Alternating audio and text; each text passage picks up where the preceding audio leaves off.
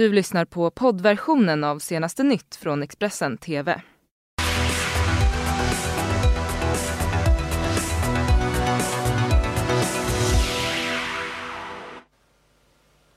God morgon och välkommen till senaste nytt med mig Karin Bülow Vorge. Det här är morgonens rubriker.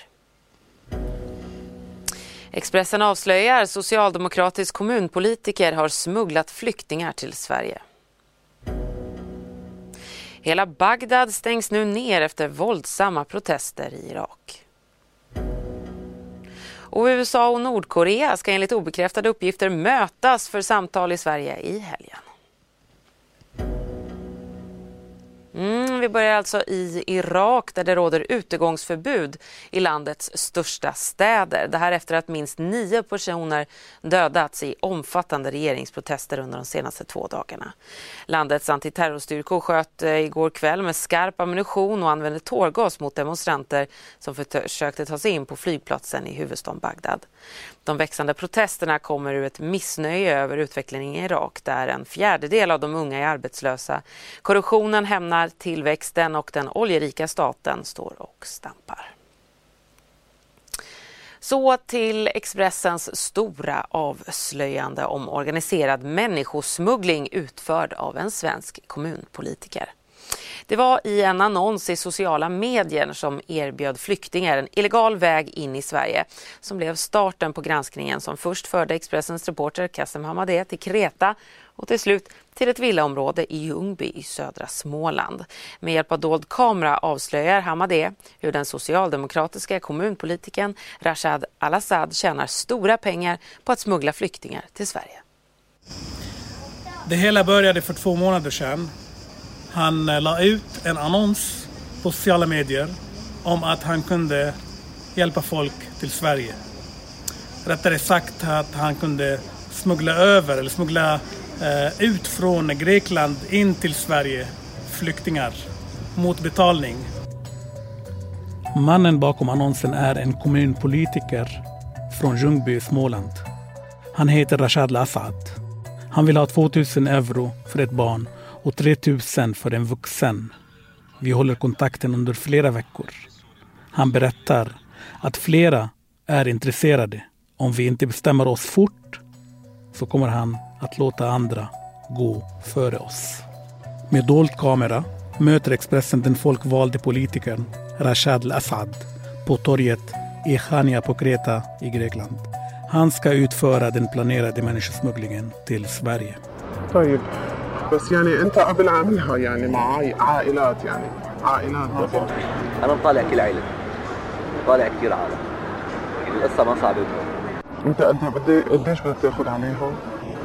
حكينا أنا وناصر نفس الشيء يعني. وأنا نفس المبلغ؟ هلا نحن لا ترضى هيدا المهم الثقة بالنفس أنا عن نفسي طلعت من اسطنبول تهريب من مطار أتاتورك. Det har gått en månad sedan vi träffades i Grekland. Nu är vi i Ljungby i Småland. Vi åker till hans villa och till slut kommer han ut. Stämmer det att du smugglar människor till Sverige? Smuggla? Ja. Vad betyder smuggla? Att du tar betalt för att ta hit flyktingar till Sverige. Stämmer det? Nej, Det absolut stämmer inte. Nej. Är du säker på det? Nej, absolut inte. Och du har inte gjort det innan? Nej, St- Stämmer det? Är det du som har lagt upp den här annonsen? är det jag? Nej. Absolut inte. Jag är statstjänsteman. Absolut, jag ska inte... Statstjänsteman, hur menar du? Du är politiker här, eller hur? Nej, jag är inte politiker längre. Ja, men du, du är ersättare i kommunfullmäktige. Social, I Ja. kultur. Ta du kort nu. Nej, vi, vi, ja, men vi måste... Vi, jo, vi är journalister. Nej, men du kan inte... Vi, du kan, jag måste...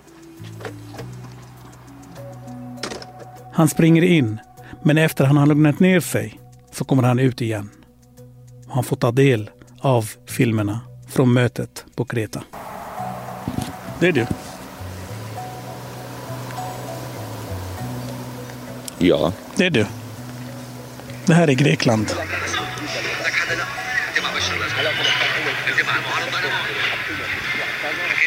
Du skulle smuggla människor från Grekland hit. Du säger att du har smugglat många människor. Hur många människor har du smugglat? Ingen. Men du skriver att du har gjort det. Nej. Och du säger att du har gjort det. Nej. Ingen. Ingen. Ingen. Vad skulle du göra i Grekland? Semester. Efter mötet så ringer Al-Assad upp. Han berättar att han lämnar politiken och att han ångrar sig djupt.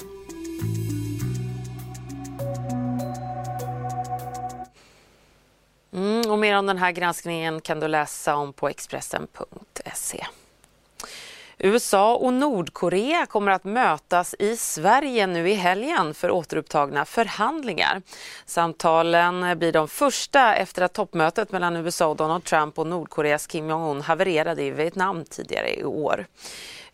USA och Nordkorea möttes för ett hemligt möte i Sverige redan i januari i år och nu ska det alltså ske möten på svensk mark återigen. Detta enligt uppgifter idag i både amerikanska och sydkoreanska medier. Nordkoreas huvudförhandlare kommer enligt rapporterna att flyga till Stockholm redan i dag. Och rapporterna om de nya eh, samtalen kommer dagen efter att Nordkorea avfyrade en ny typ av ballistisk missil i en provskjutning. Missilen ska ha avfyrats från en utbåt utanför landets östkust igår. Det är första gången på två år som en nordkoreansk missil tar sig in i japansk ekonomisk zon. USA inför omfattande tullar på vissa EU-varor efter beslut i Världshandelsorganisationen WTO. USA har för avsikt att införa tullar mot EU på bland annat flygplan och eh, jordbruksprodukter från och med den 18 oktober. Tullarna ska enligt nuvarande plan uppgå till 10% för flygplan tillverkade i EU och 25% för industri och jordbruksprodukter. Enligt Reuters rör det sig bland annat om skotsk whisky, franskt vin, italiensk ost, tyska, spanska, franska oliver, tysk kaffe och brittiskt tillverkade ull och kashmirkläder. Flygplanskomponenter kommer dock inte att beläggas med några tullar vilket gör att Airbus monteringsanläggningar i Alabama slipper högre kostnader. USA och EU planerar ett möte för handelspolitiska förhandlingar den 14 oktober. Det uppger, uppger Vita husets handelsrepresentant eh, till medier. Idag avgörs rättegången mot de poliser som förra sommaren sköt 20-åriga Erik Torell till döds. Händelsen har fått massiv kritik då Erik Torell, som hade Downs syndrom, inte utgjorde något reellt hot. Han höll ett plastvapen i sina händer och älskade enligt sina föräldrar poliser. De åtalade poliserna å sin sida hävdar däremot att de fruktade för sina liv när de öppnade eld mot Erik. Tidig morgon den 2 augusti 2018 lämnar 20-åriga Erik Torell sin och pappans bostad i Vasastaden i centrala Stockholm. Med sig har han ett leksaksvapen i plast. Strax före klockan fyra på morgonen kommer det in ett larm till polisen från en kvinna som sett Erik Torell med vad som verkar vara en riktig pistol. Innan polisen hinner komma till platsen ringer Erik Torells pappa till polisen för att anmäla sin son försvunnen. Men polisen har inte tid att hjälpa honom. När polisen kommer fram till platsen skjuts Erik Torell till döds. Totalt avlossas 25 skott under förloppet som varade mellan 3 och 10 sekunder. Det förändrar allt att, att pappa pratade med en polis um, vad heter det, uh, innan. Mm innan eh, min bror var, mm. var död. Ja. Eh, och det visste vi ju inte innan, vi trodde att det var efter ja. hela tiden. Ja. Vi trodde att det var för sent redan.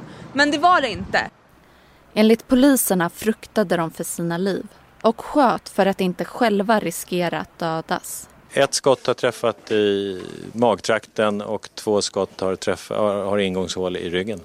Men det var ett leksaksvapen som Erik Torell hade i handen. Och Erik var förstås inte kapabel att eh, förstå vad som hände och hade ingen möjlighet att eh, avvärja det här hotet. Han kunde inte prata. Erik var helt skyddslös.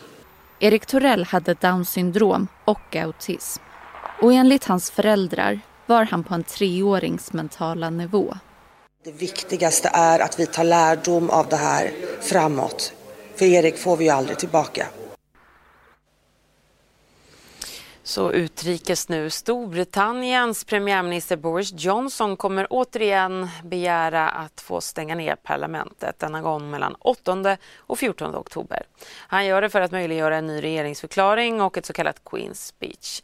I praktiken missas två dagar av brexitdebatt i och med stängningen som kommer kort efter att Högsta domstolen i landet tidigare meddelat att Johnsons långstängning av parlamentet var ett hot mot landets demokrati.